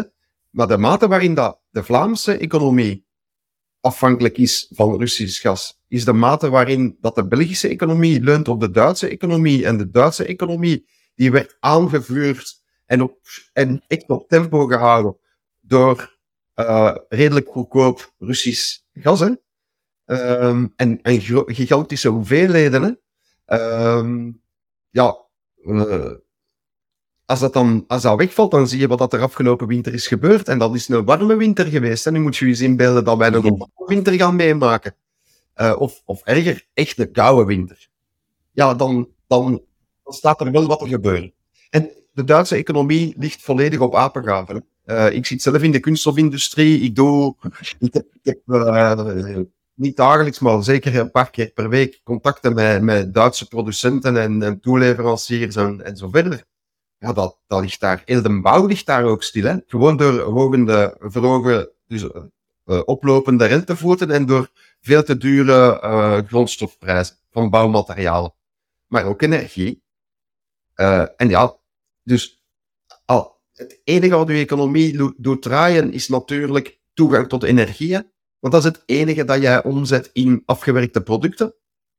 Wat worden de sancties dan tegen Rusland bijvoorbeeld? Moeten wij gewoon meer betalen voor dat gas? Of waar halen wij dan ons gas en andere elementen van dat wij normaal gezien van nu, Rusland kregen? U verspreidt over heel de wereld nu. Er is ook altijd Russisch gas dat via via tot hier komt. Hè. Want ik heb eens gelezen dat dus, ja, we kopen nog altijd gas van Rusland, maar Rusland verkoopt het aan een ander land en dat land verkoopt het aan ons tegen een hogere prijs. Dus wist, uh, Rusland heeft er winst bij, dat land dat verkoopt heeft er winst bij en wij betalen gewoon een hogere prijs. Ja, en dat, gaat, dat is zeker zo uh, over ruwe olie en afgewerkte brandstoffen, als diesel en benzine. Maar dat geldt ook over nog lopende contracten in, in aardgas. Maar ja, uh, er, er, er worden zelfs LNG-tankers vanuit Australië naar hier gestuurd. Ja, dat is belachelijk, hè. Maar dat, dat is belachelijk klein, hè. Maar dat is, om maar te zeggen, er is al een tanker met, met, met, met liquefied gas van Australië naar Europa geleverd. Dus uh, de ecologische voetafdruk van dat soort gas, dat wil je ook niet kennen. Hè. Uh, maar dan voornamelijk uh, overschotten in shale, maar ja, Amerikaans shale zelf gewoon volledig een diepere kant ingaan. Dus is eigenlijk de marginale olieproducent die dat die, hè, in het begin van ons gesprek hadden we het daarover, over peak oil en waar dat onze huidige productie vandaan komt. En dat we dus ieder jaar 10% aan energiebronnen moeten zien toe te voegen om depletion op te vangen. Al 90% van alle toegevoegde olie van de afgelopen 10 jaar kwam allemaal uit de VS. Dat is al die shale en al die, al die tar sands. En ja, de VS is daarmee uh, in geen tijd van 5, 6 miljoen vaten per dag naar 13, 14 miljoen vaten per dag gegaan. Door te gaan shale fracken. Maar alle, alle liquid fuels die daar door op de markt zijn gekomen en die dat de rest van de afkalving hebben opgevangen, dat komt uit zes counties. En het stond in een van mijn laatste substacks ook. Al die groei in Amerikaanse shale, dat is aan die zes counties te danken. Maar dat is dankzij gemiddeld 3500 ducks. En dat zijn drills under construction. En als je naar de industriedata gaat kijken, dan kun je zien hoeveel drills in construction dat er zijn. Maar een shale fracking site, die, die, die dondert naar beneden en die is uitgeput na een kwestie van een paar jaar. Dat wil zeggen dat je dus constant naar nieuwe deelformaties, lijststeenformaties moet gaan, die een pool afbreken, verhuizen en daar terug beginnen drillen, horizontaal boren, hydraulisch, alles, al die lijststeenlagen openbreken en daar dan weer ook dat gas gaan condenseren tot een liquid. En dat dan verplaatsen en, en, en helemaal vandaar uh, transporteren naar waar, het, waar, waar dat verbruikt kan worden. Dat is ook niet evident altijd. Um, daar zijn we nu ongelooflijk afhankelijk van geworden. Maar die 3500 drills under construction die je constant had, die zijn nu gedonderd naar 1000. Dus dat, als jij, als jij 8 miljoen vaten per dag in stand houdt door constant 3500 drills under construction te hebben, hoe gaat dan die productie-output eruit zien binnen een half jaar of een jaar, als wij nu maar 1000 drills under construction hebben? Dus dan weten wij ook dat die 8 miljoen, dat zou wel een keer heel snel 7, 6, 5, 4 miljoen kunnen worden. En dan heb je dus de Saoedi's die hebben gezegd, wij pompen 1, 1,5 miljoen vaten per dag minder op. De Russen hebben gezegd, wij pompen 1, 1,5 miljoen vaten per dag minder op. En dan hebben we ineens Amerika dat ook begint terug te vallen. En dan spreekt hij al over 5, 6, 7 miljoen vaten dat gewoon minder op de markt komen. En dat gaan wij wel allemaal voelen. Uh, en daar komt dan nog eens bovenop dat het Kremlin nu zelf heeft gezegd, alle westerse landen die meedoen aan de price cap sancties op Russische olie, die gaan wij gewoon, wij gaan erop toezien dat er geen druppel Russische olie nog via, via, via tot bij jullie geraakt. Je gaat het zelfs niet meer mogen kopen en we kijken erop toe, we zien erop toe dat het, dat het, dat het niet tot in uw economie geraakt als je meedoet aan die sancties. Dus ons land deed daar aan mee, Frankrijk deed daar aan mee, de westerse landen, uh, onder druk van uh, de VS, deden daaraan mee. Hoe gaat dat eruit zien? Ik weet al. Maar hoe kan dat nu dat uh, de grootste economie van uh, Europa, jij zit ook van België is vooral afhankelijk van Duitsland, Duitsland is afhankelijk van Rusland. Hoe kan nu die Nord Stream gas pipeline opgeblazen worden? Ja, het is heel duidelijk dat dat niet Rusland zal zijn. Het is eigenlijk raar dat je je eigen pijplijn opblaast. Er is heel weinig voordeel bij. En dan kijk je erop toe als Duitsland, die er heel afhankelijk van is, en dan doe je daar niks aan en zeg je er niks van. Orbán heeft onlangs een interview gegeven met Tucker Carlson en zei van kijk, we hebben ook een pijplijn en als dat met ons zou gebeuren, ja, dat gaat we niet toestaan, dan, uh, dan gaan wij echt in actie schieten. Hoe kan het nu dat de, de grote beer van Europa dat gewoon over zich heen laat gaan? Ja, dat, dat, dat doet ongelooflijke vragen uh, reizen over het politiek leiderschap in dat land. Hè. dan, dan vraagt je af wie dan een Baerbock en zo en een Scholz, wat, wat, wat voor, wie dat die hun echte bazen zijn natuurlijk. Um, dat is, een, uh, dat is inderdaad een zeer bizarre vaststelling. Um, dat is zeker zo. Um, als je mij vraagt hoe kan dat? Ja, dat is, dat is politiek powerplay op het allerhoogste niveau. Want hoe krijg je de politicus die afhankelijk is van zijn herverkiezing, allee, zijn carrière, hoe krijg je die zo ver van dat soort rituele economische zelfmoord te plegen op zichzelf, zijn land, zijn economie en zijn bevolking? Want die weet dat op voorhand ook, hè. Dat als jij die, als jij die pijplijn uh, opblaast, dat, dat je dus een paar weken en maanden later met de inflatie zit die dat we vandaag zien. En hoe dat, dat heel de, heel de uh, Duitse concurrentiekracht ondermijnt. Um, en er is, er is nog zoiets, om het even over de problemen van Duitsland te hebben, laat ons nu gewoon de, de, de auto-industrie nemen. Die zijn allemaal die hebben miljarden en miljarden en miljarden in de productie van elektrische wagens geïnvesteerd. Maar die wagens worden niet verkocht. Die fabriek hier in Vorst, die is idling. Daar holt geen auto uit. Hè. Plus ze hebben ongelooflijke toeleveringsproblemen voor een tal van kleine, belangrijke en minder belangrijke componenten. Omdat West-Europese bedrijven ook voor Chinese toeleveranciers plotseling op de derde, vierde, vijfde plaats komen en een BYD en andere grote producenten van Chinese elektrische wagens voorrang krijgen. En wat zie je nu? Dat is dat de echte premium, waar dat die bedrijven hun geld verdienen, het hoogste segment van, van Mercedes, BMW, Audi. De Russen waren daar zot op. Rusland was een onwaarschijnlijk belangrijke markt voor dure BMW's, dure Mercedes'en, dure Audi's. Die kopen nu allemaal Chinese wagens. Hè? Allemaal, hè? Die, dus die, die, die grote vlaggenschepen uit Duitsland, die krijgen daar geen wagen niet meer verkocht. En dat is, dat is een double whammy, hè? Dat is auto's die, dat zijn auto's die minder uit Duitsland en meer uit China. Hè? Dus dat is die concurrentiekracht die, die, die gaat twee keer naar omhoog. Hè? Dat is twee keer dat, hè? Dat verschil tussen die twee. Per unit. Ik Dus- zie heel vaak in interviews die ik gedaan heb met de achteruitgang eh, van Amerika en het einde van het Amerikaanse imperialisme. Denk jij op lange termijn dat wij het achterlijke neefje gaan blijven van Amerika? Of zal er een bepaald punt zijn dat we ook wel realiteitspolitiek en realiteitszin hebben en dat onze blik meer naar het oosten of naar het zuiden gaat gericht zijn? Of worden wij automatisch sowieso meegesleurd in het verval van Amerika? Ik denk in een eerste fase nog wel, hè. Ik denk in een eerste fase, zolang dat je met deze microgeneratie aan verderfelijk leiderschap blijft zitten, zowel in dit land als op Europees niveau, en met een bevolking die, die eh, veel te gemakkelijk meegaat in al hetgeen wat ze in de mainstream media lezen, eh, als zij dat soort verklaringsmodellen een goede weergave vinden voor wat er werkelijk in de wereld gebeurt, ja, dan moet je ook niet stom staan dan iemand van onze mensen in de straat dat die echt een idee heeft, een deftig idee heeft van wat er werkelijk speelt en wat er aan de hand is en waartoe dit binnenkort gaat leiden.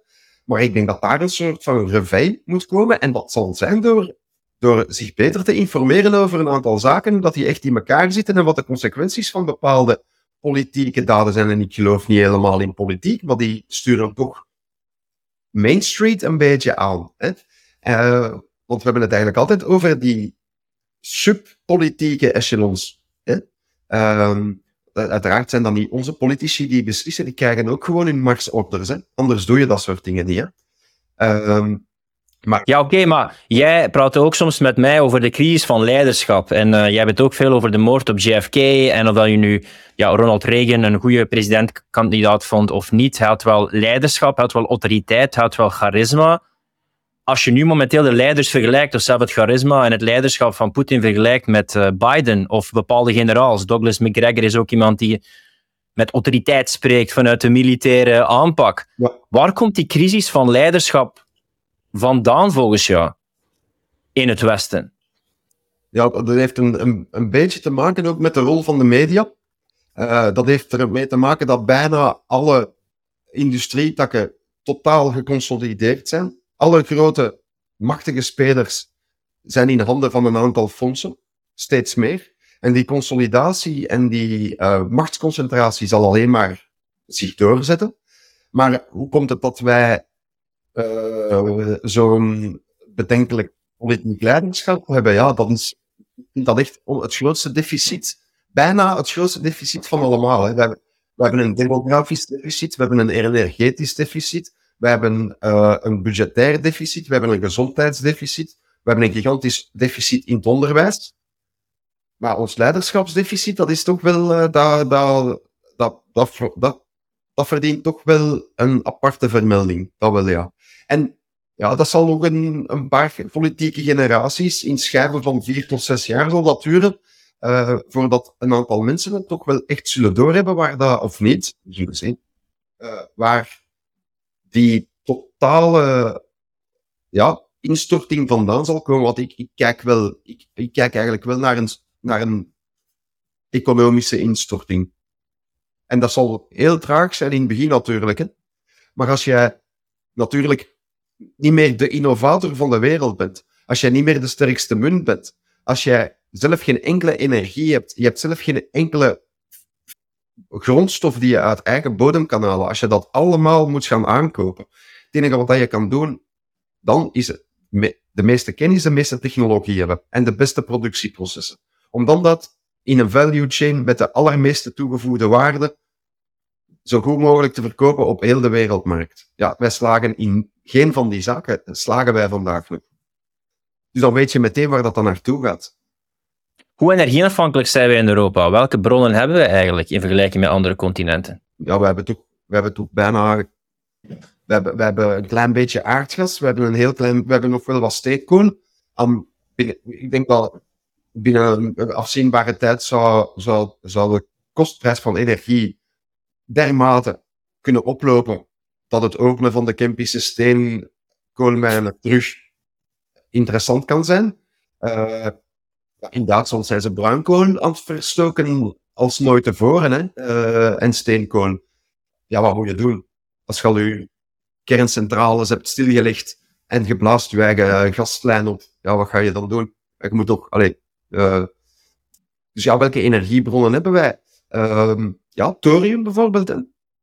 Thorium. Uh, en, en, uranium, nucleair. Omdat, dan, dan heb je hele kleine hoeveelheden nucleaire brandstof voor nodig. En als je dan goede afspraken maakt met Kazachstan en met Rusland, ja, dan kan je, dan kan je ook beleefd worden met die fossiele brandstof. Want dat is ook gewoon een fossiele brandstof, hè. We bekijken dan soms van energiearmoede in Europa en te kijken naar alternatieven. Maar ik vraag me ook af, in die olie-exporterende of olieproducerende landen, is toch een heel groot deel van de economie afhankelijk van olie. Hoe zullen die landen zich moeten voorbereiden op een post-olie-tijdperk? Want zoveel van hun economie is afhankelijk van olie. Ja, ja dat is een goed punt. Hè. Dat is een goed punt. Um, op een bepaald moment zal er ook wel uh, niet alleen peak oil, maar peak demand zijn. Dus dat de hoeveelheid gevraagde olie ook zijn maximum. Dus dat de, de vraag naar olie ook niet altijd zal blijven stijgen. En dat ook die op een bepaald moment zal beginnen dalen. Dat punt komt er zeker aan. Maar als je ziet welke als je ziet hoe goedkoop olie is. Eén vat olie, hij staat nu heel duur, hij gaat richting de 100 dollar, maar één vat olie, dat heeft evenveel energie als de fysieke arbeid van iemand die 6 à 10 jaar werkt. Hè? Dus als ja, dus één vat olie, 158 liter, de energie dat daarin zit, dat is dezelfde energie als iemand die 6, 7, 8, afhankelijk van hoe dat je het berekent, jaar hele zware fysieke arbeid levert. Dat kopen wij aan voor 100 dollar. Dus ja, ontwikkelende landen, dat is, een verbrandingsmotor is een ongelooflijk eenvoudig te onderhouden en is totaal verouderde technologie, maar dat is goedkoop, dat is gemakkelijk te herstellen, dat is low-tech. Uh, brandstof is ook super gemakkelijk te vervoeren. Hè? Steekt al letterlijk in het raam van een schip of gepompt dat in vaten. Hè? Dat is, dat is veel minder duur en complex dan, dan hoogspanningsleidingen trekken, waar dat je dan in, in België tien jaar over doet om erachter te komen dat je nu bovengronds of ondergronds gaat doen. Uh, alleen, dat is een... Ik, ik heb niks tegen de elektrificatie helemaal. Ik heb ook niks tegen groene energie. Maar als ik praat over petroleum, dan is het belangrijk om te beseffen hoe wezenlijk, hoe essentieel en hoe cruciaal dat, dat is voor de levensstijl die wij vandaag hebben en waar alles op gebouwd is. En met name ook onze sociale zekerheid. Hè. Denk je op een bepaald punt dat artificiële intelligentie daar een rol in kan spelen? Want je spreekt nu bijvoorbeeld over arbeidskracht, maar met meer en meer artificiële en technologische vooruitgang kan je misschien die mankracht veranderen door technologiekracht. Ja, dat kan zeker. Hè? Dat kan zeker toedragen. Alleen bijdragen. Uh, maar het blijkt vandaag ook dat je met dollars kun je geen oorlog winnen. Je, mag, je, kunt, je kunt niet op een strijd, op een slagveld gaan staan en met dollars staan smijten naar je tegenstander. Je moet fysieke zaken kunnen bouwen. Ja, en dat is ook de hele fysieke wereld. Een tafeltje, ja. Kleding, ja. Dat zijn fysiek. Alles is fysiek. Je moet, je moet ook de dingen echt nog kunnen produceren. En om al die dingen te produceren en om al die calorieën in je koelkast en dan op je bord te krijgen, heb je dus heel veel energie nodig. En dat zal altijd zo blijven. Uh, gaan wij innoveren in alle mogelijke richtingen als, als menselijke soort? Ja, dat doen wij al sinds ons bestaan, alleen sinds ons ontstaan. Dus we gaan heel innovatief en creatief blijven. Ik ben ik geen Malthusiaan die, die uh, een toekomstpessimist is. In, in tegendeel. Maar uh, ik denk toch dat het belangrijk is om te beseffen dat als wij weg willen migreren van fossiele brandstoffen en van olie, wat dan we moeten beginnen doen. Want één, het is eindig. En twee, die bevoorrading wordt steeds minder zeker. Heb jij een termijn trouwens, dat jij zegt van het is eindig? Heb jij een bepaalde termijn of maximumtermijn dat je momenteel ziet dat het eindig zal zijn? Wij gaan altijd nog olie hebben, hè. Allee, mijn kinderen en mijn kleinkinderen ook, die gaan altijd nog aardolie kennen. Maar gaat het, gaat het binnen, heel binnenkort een pak moeilijker zijn om die 85, 90 miljoen vaten te produceren die wij nu al 15, 20 jaar iedere dag produceren en waarvan dat heel onze economie, heel het financieel stelsel en heel het monetair stelsel totaal afhankelijk van is geworden, dat wordt met een dag moeilijker. En dat is puur geologie. En veel mensen zeggen van, ja, maar als je daarin investeert, dan... Wel, de Red Queen Syndrome, en ik heb een artikel op mijn Substack dat zo heet, dat maakt duidelijk dat op een bepaald moment maakt het niet uit hè, hoeveel technologie, hoeveel geld, hoeveel energie, middelen dat je ergens tegenaan smijt. De geologie werkt gewoon niet meer mee. Ja, er, er is een wetmatige, er is een geologische wetmatigheid. Hè. Maar dan kan misschien de demografie in je voordeel werken dat dat omlaag gaat. Ja, naarmate dat, uh, dat, dat ontwikkelingslanden ontwikkelen, ga je zien dat, zij, dat, dat daar de gezinnen minder kinderen krijgen. Maar daar zijn we nog wel even vanaf, hè, Filip? Want om je een voorbeeld te geven over demografie, alleen Nigeria, alleen in Nigeria, worden er iedere dag meer kinderen geboren dan in heel Europa. Ja? Dus alleen in Nigeria stijgt de bevolking meer dan in heel Europa. Dus uh, dat is dan nog een olieproducerend land, wat door een beetje uh, dat, dat straalt toch, allee, dat wordt, de meeste olie wordt daar wel weggeroofd en de lokale bevolking heeft daar niet zoveel aan. En je gaat mij daar niet horen zeggen dat dat een, naar Libisch model, een hele rijke petrostaat is. Hè? Um, um, maar um, uh, ja, daar zijn we toch nog wel een beetje van af. Hè? Vooraleer dat die uh, ontwikkelingslanden uh, minder, dat daar per gezin minder kinderen gaan geboren worden. Ik zie de bevolking toch nog een tijdje stijgen. Hè? Ik denk jij ook wel, hè? Ja, niet in het Westen zou ik zeggen. Daar is het echt aan het dalen. Daar heb je echt de relatie- en geboortecrisis. Uh, ik denk aan de andere kant, maar dat zal het niet compenseren, omdat Nigeria zo'n groot land is, uh, denk ik dat uh, tegen het einde van de eeuw de bevolking van Zuid-Korea met 75% zal gedaald zijn. Dus daar heb je wel een, een andere tendens in die Aziatische landen. En dat zal hier ook wel zijn. bij ons is die trend ook al ingezet. Hè? Uh, dat is natuurlijk door, door, door migratie wordt dat hier wat opgevangen. Uh, maar als je kijkt naar uh, de autochtone bevolking hier, ja, die, die, die krijgen toch beduidend minder kinderen dan één generatie geleden. Ja, dat is... ja wat, ik, wat ik echt compleet onverantwoordelijk vind is van, ja, je moet wel een alternatief hebben natuurlijk. Je kan iets afbouwen, maar als je de levensstandaard, levenskwaliteit wil behouden, ja, dan moet je wel iets vervangen dat, uh, dat afbouwen compenseert. Maar dat schijnt er momenteel niet te zijn. Het is roofbouw, niet afbouwen en vervangen. Het lijkt meer op roofbouw. Ja, de, ja de, de, de hoeveelheid energie die wij met nucleair, steenkool, aardgas, dus alle fossielen en olie infuseren in onze, in onze levensstijl en in onze economie, ja, dat kunnen wij gewoon niet met groene energie. Wie, wie dat, dat ook beweert, die, die, heeft eigenlijk nog niet echt deftig naar die getallen gekeken. Uh, afgelopen zomer had ik um, uh, Simon Michaud. Uh, ja, um, ik denk dat ik, denk dat ik het weet liggen, de cijfers. Had ik Simon Michaud bezoek op een event dat ik had georganiseerd, waarin dat Simon Michaud, die voor het GTK in Finland werkt, had voorgerekend ja, hoeveel mijn, in, in welke mate wij de mijnbouw gaan moeten opschalen om uh, een klein deeltje van de Parijsakkoorden te halen. Dat is niet om heel de wereld te elektrificeren, hè. Uh, gewoon om een deel te halen. Ja, dat zijn dus cijfers waar dat je dus van begint te duizelen. Hè. Om een idee te geven, uh, bijvoorbeeld naar koper, moet om in een aantal scenario's moet de koperproductie met 195 keren worden uitgebreid. Dus dan moeten we voor de komende 20 jaar, want we spreken eigenlijk over een generatie van 20 jaar. Als we dus alles in zon- en windenergie gaan doen, dan moeten we dus die oefening om de 20 jaar herhalen. Hè? Omdat dus die... 19.500 procent. Ja, ja, ja dat, is, uh, dat is voor koper. Uh, aluminium vijf keer. Uh, chroom 11 keer. Lithium 400 keer. kobalt, heb ik het juist? Wacht. Nee, lithium 10.000 keer. Kobalt 1700 keer meer. Grafiet 6700 keer meer. En dat is om um, West-Europa alles te gaan elektrificeren um, met, een, met een buffercapaciteit van 8 uur.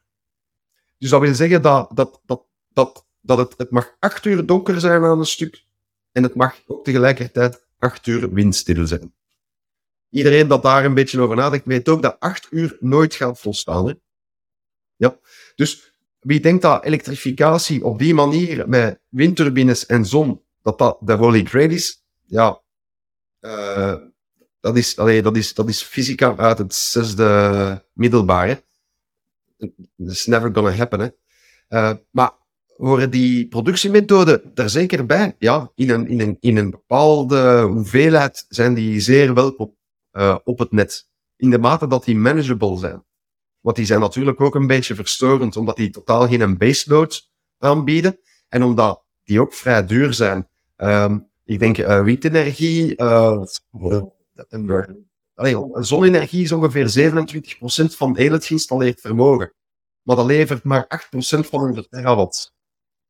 Ik kan een hypothese opwerpen. Is dat ook niet ergens, uh, het is maar een hypothese, hè, dat dat ergens een nieuwe economie creëren in het Westen, die vooral op die klimaatpropaganda inzet, en dat je op die manier een soort van eigen economie creëert en innovatief bent in iets dat jij voor kiest en een afzetmarkt voor vindt? Ja, dat klopt, dat klopt. Dat is inderdaad iets waar je aan zou kunnen denken, maar dat is natuurlijk alleen wanneer dat wij dat hier zelf gaan produceren, hè, en dat we dat produceren en dat we dat ook nog eens exporteren naar de rest van de wereld dan kan dat interessant zijn voor de West-Europese economie. Maar het is natuurlijk helemaal het tegenovergestelde. China heeft 90% van heel die value chain. Van mijn, van mijn tot de kaai in Antwerpen hebben die onder controle. Hè? En alle segmenten daartussen. Hè?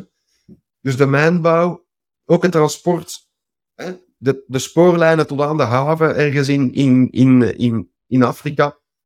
De rederijen tot in mainland China de raffinage van die grondstoffen tot halffabrikaten. Uh, die halffabrikaten die uh, worden afgewerkt en dan verwerkt in Chinese fabrieken tot afgewerkte producten.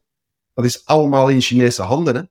En zij cashen ook al die meerwaarde daarop. Hè? En wij betalen de volle pot en alle winst.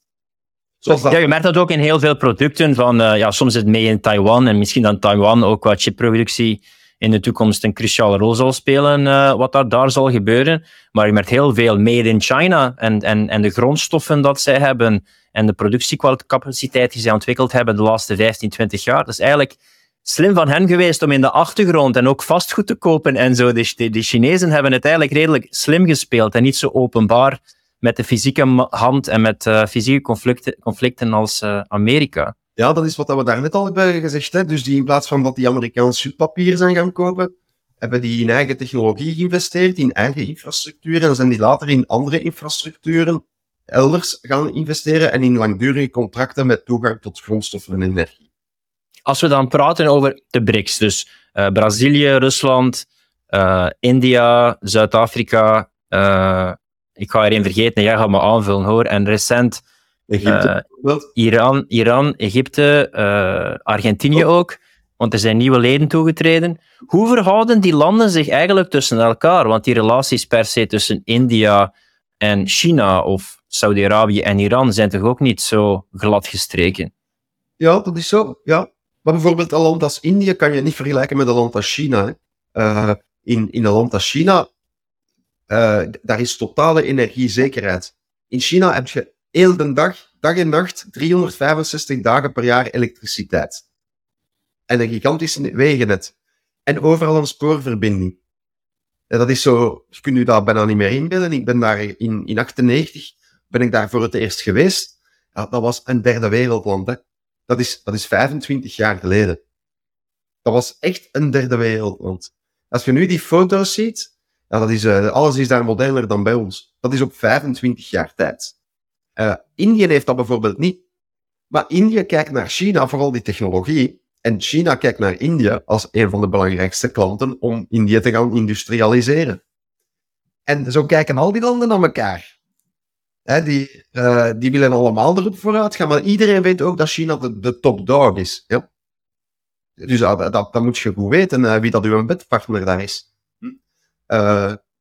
dus ja, maar als, als, als, eh, als een land als, uh, als, een land als uh, Iran, uh, Saudi-Arabië, als die kunnen brokeren for peace en, en, en dat, dan ineens dat er vrede uitbreekt tussen Iran en Irak en tussen de Shiiten en, en de Soenieten. En ineens is dat probleem, die, oorlog in Jemen is ook ineens totaal stilgevallen. Hè? Ja, dat is wat dat, dat is wat dat nieuwe vrienden voor u kunnen doen. Uh, in hoeverre denk je dat die BRICS-landen in staat gaan zijn om een gemeenschappelijk buitenlands beleid te voeren? Ja, dat moet nog blijken, maar ik denk een van de eerste zaken uh, dat we gaan merken in uh, buitenlands beleid, uh, dat zal... Je weet wat dat OPEC is, hè? OPEC is een oliekartel, ja. opgericht in 61. Ja, nu moet je eens inbeelden, herinner je de shock dat dat heeft teweeggebracht toen dat... wat was het in Bagdad was zeker, hè? In Bagdad ging die conferentie door en ineens out of the blue zeggen Venezuela uh, en, en Irak uh, en Saudi-Arabië, dat ze de OPEC oprichten. En nu moet u inbeelden, dat was voor olie alleen. Nu moet u eens inbeelden dat in de BRICS, dat er een soort kartel wordt. En dus het Westen zat niet aan tafel, hè. Die hadden, ja, dus die hadden de VS en, en Londen en Parijs en Berlijn en Brussel en Rome hadden die niet nodig. Die hebben dat gewoon op hun eentje gedaan. Die hebben van de ene dag op de andere gezegd, vanaf nu beslissen wij hoeveel olie dat er wordt geproduceerd en aan welke prijs. Nou, ja. Je moet je inbeelden dat de BRICS dat kan doen voor alle andere grondstoffen. Dat die hebt die in handen. Dus net zoals die olieproducerende landen in 61 hebben nu, dus al die BRICS-landen, die hebben al de grondstoffen, alles wat wij nodig hebben. Koper, kobalt, bauxiet, al, noem maar op. Dat handen. En dat die zeggen van, nu gaan wij beslissen wie dan wat koopt, welke hoeveelheden en aan welke prijs. Ja, ik zie er al in een kamer uh, typische Amerikaanse boots op de pokertafel. En dan zit die persoon met de cowboyhoed de hele tijd bluffpoker te spelen met de andere partners. En op de achtergrond wordt er in de andere kamer ook een nieuwe tafel opgezet met nieuwe spelers. En uh, zoals je zei, het interessante feestje wordt daar gespeeld. Ja, ja, dat, ja. En, en alleen, ik kijk dus geen tv, maar ik zat dus, dit is een ruimte waar dat ik heel vaak zit. En ik zat hier samen met mijn vrouw, een paar dagen geleden. En ik was naar een podcast aan het luisteren. Ah ja, van, uh, van Mercoris, van uh, Alexander Mercoris en Alex Christoforou. En die hadden nog twee gasten. Een internationale trader en een andere was een expert, een financiële expert of zoiets. En die waren onder hun vier aan, aan het babbelen over wat dat er nu de afgelopen zeven dagen in de wereld, in de geopolitiek en in de wereld was gebeurd. En dus ik zit te lezen en met, met dus die podcast als achtergrondgeluid. En ik dacht, En na een uur, een uur en een half, moest ik eigenlijk vaststellen. En die, die kwamen eigenlijk met geen enkel wereldschokkend feit.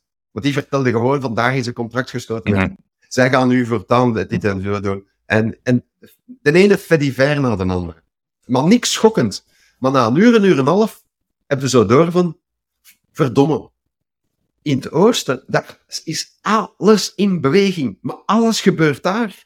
En sinds COVID, sinds 2019, ligt alles in stil. Hier gebeurt, hier bij ons, hier in het westen, in Europa, in België, in Vlaanderen, hier gebeurt eigenlijk niks meer.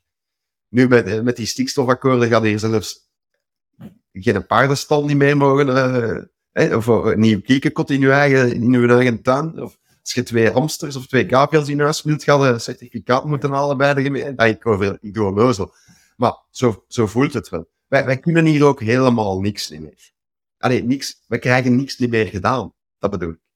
En daar gebeurt dat allemaal orgaans en ja, de mensen goesting om erin te vliegen en zich te ontwikkelen, geld te verdienen. En, uh, en dus ik zat daar naar te luisteren en toen, dan valt dat toch wel op als je dat zo op een uur en een half allemaal opgelijst krijgt hoe, dat daar alles in beweging is en hier alles.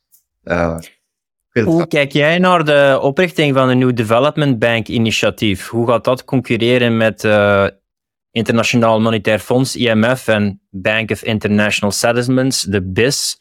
Gaan ze ook een nieuw bankingssysteem of een eigen systeem opzetten, denk je? Dat is een hele moeilijke vraag. Omdat um, dan zijn we echt aan het speculeren. Ik vind dat eigenlijk heel fijn om te doen, maar misschien moeten we dat maar een keer doen bij Tussenpot en Pint onder ons twee en niet waar dat mm -hmm. naar zitten kijken. Maar ik denk het eerste wat dat we zouden kunnen zien, vooraleer dat we daar bijvoorbeeld luid op kunnen beginnen, over kunnen beginnen nadenken, is u afvragen van hoe lang kan bijvoorbeeld de, de roebel, want de roebel staat echt onder druk. Die is al jaren aan het dalen tegenover de dollar. En je zou denken, ja, maar de olieprijzen stijgen nu, dat is toch goed voor, voor Rusland? Ja, dat is een dubbeltje altijd. Uh, en, nou ja, de, de, de roebel heeft, heeft het eigenlijk redelijk kwaad. En dat ja, want de, vraag, de, diepere vraag die ik daarmee misschien wel stel, als je op die vraag niet uh, specifiek een antwoord kan geven. We hebben nu gepraat over, over grondstoffen. Maar ik was en, en, en, en, olie, dit, deze vraag gaat meer in op uh, ja, het financiële systeem. En hoe de financiën geregeld worden ook binnen de BRICS-landen in de toekomst. Ja, dus de eerste vraag die je kunt stellen, vooraleer dat je gaat kijken naar nieuwe suprastructuren, die bijvoorbeeld een concurrent kunnen zijn voor, uh, ja, voor de BIS of voor het IMF en zo verder. Dat is wanneer dat een aantal van die BRICS-landen hun eigen monetair systeem gaan hervormen. Bijvoorbeeld door een koppeling met goud. Dat is het eerste. Wat er gaat gebeuren als er een bepaalde gouddekking komt. Want laat ons eerlijk zijn, al die landen zijn goud aan het aankopen als nooit tevoren. Die hebben gigantische goudvoorraden. Ja, de VS ook trouwens. Hè. Ja. Uh, maar dus, Nobiliana, of weet ze, Elvira Nobiliana, die, die krijgt wel een aantal uh, dus de, de, voorzit, de, de, de voorzitter van de Russische Centrale Bank, die lost een aantal problemen onmiddellijk op door de roebel te gaan koppelen aan de eigen goudreserves en aan de goudprijs. Uh, en dan krijg je een heel sterke munt. Allee, meteen, dan zijn heel veel zwakten uit de huidige roebel. Een sterke munt of een stabiele munt? Beide. Want ja, stabiliteit is sowieso de kracht van een munt. Dat is een, een, een fiat-munt haalt alleen zijn, zijn kracht uit vertrouwen. En vertrouwen haal je uit voorspelbaarheid autoriteit. Want alleen dan kan je in die munt gaan investeren. Of kan je dat gaan gebruiken als leverage of als collateral. Of kan je financiële producten gaan gebruiken als onderpand. Dan ga je die munt aankopen en dan ga je die securities gebruiken als een onderpand voor andere internationale transacties. Dan maak je voor jezelf een sterke munt. Dus dat gaat alleen over vertrouwen en stabiliteit. En dus als je me vraagt van, ja, hoe ziet dat er, de New Development Bank en de SEO en, ja, ja, dat is heel interessant, ik, maar er, er, zijn eerst nog een aantal andere stappen die, die essentieel en uh, um, instructief zullen zijn om te weten waar dat die noden gaan beginnen liggen. Dat is toch hetgene dat de meeste mensen verwacht hadden, of binnenkort verwachten, dat de BRICS-landen zelf een grondstofgebaseerde currency ja. zullen ontwikkelen. Ik zie dat, ik weet dat niet. Ik, ik begin daar een beetje aan te twijfelen. Uh, daar is heel lang over gespeculeerd. En pas op, dat kan nog altijd. Maar hebben zij dat echt nodig?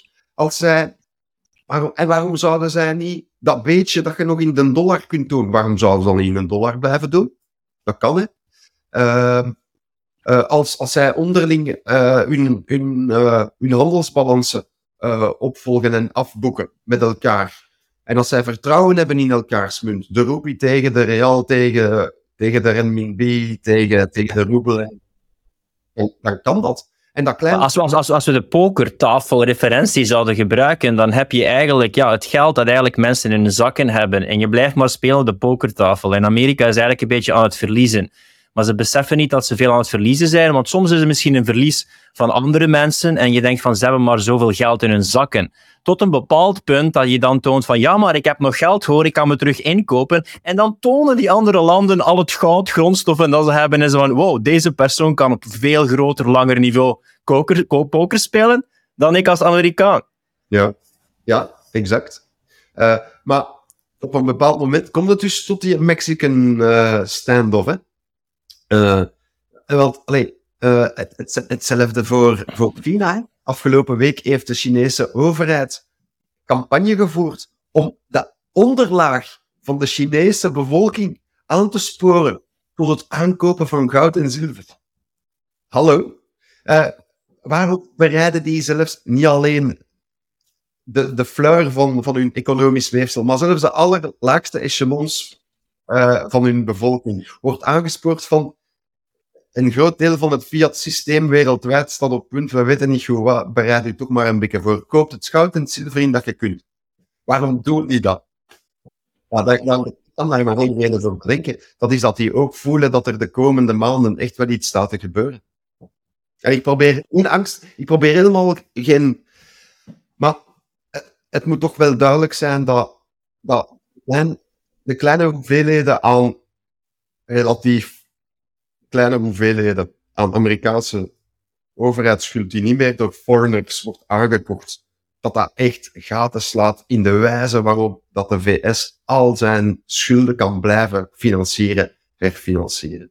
En dus we gaan, als er, zo, eh, als er een debt ceiling is en de budget voor volgend jaar, nu verleden week was het al rommeles in, in, eh, in Congress en in Senate.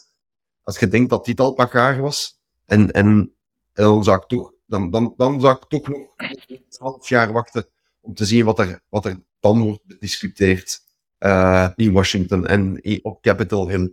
Eh, dat gaat Ja, je weet, ook, ja, je weet ook veel over Amerikaanse politiek. En zoals ik al zei, je weet heel veel over JFK en wat daar gebeurt. En dit is weer een beetje speculeren, maar zal er dan om een duur niet een soort van burgeroorlog of interne conflicten ontstaan? Omdat het externe conflict dat dan in Oekraïne gespeeld wordt, die proxywar, dan intern zal barsten? Ja. Ja. Ja.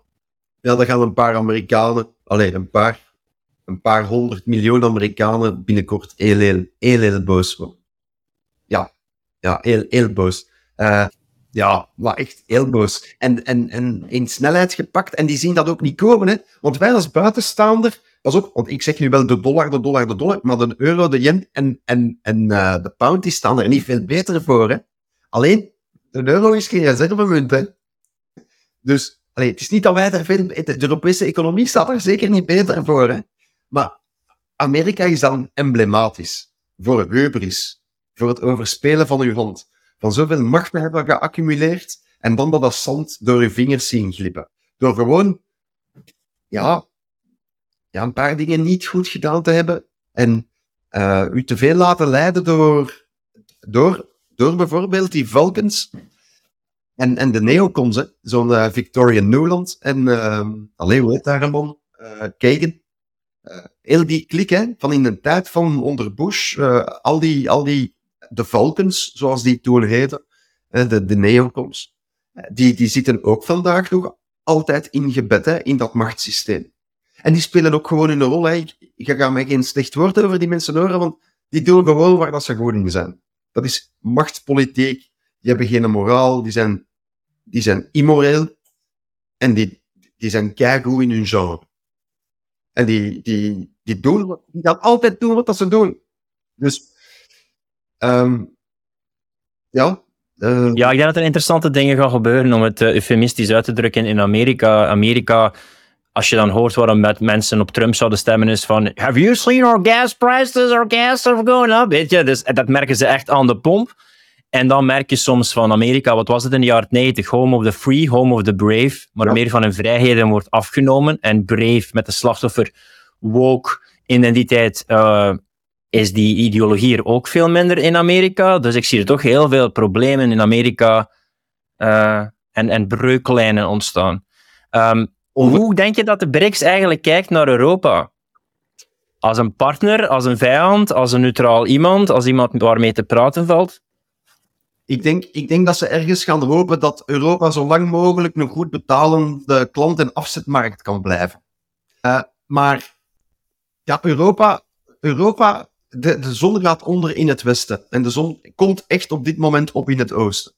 En dus wij, ook wij zijn hier totaal oververschuld. En er zitten een aantal parameters ook tegen. Wij, wij gaan ook geen gelijke tred kunnen houden met de rest van de wereldeconomie die zich ontwikkelt. We hebben een aantal zaken bijzonder slecht aangepakt, eh, die daar generationeel zijn.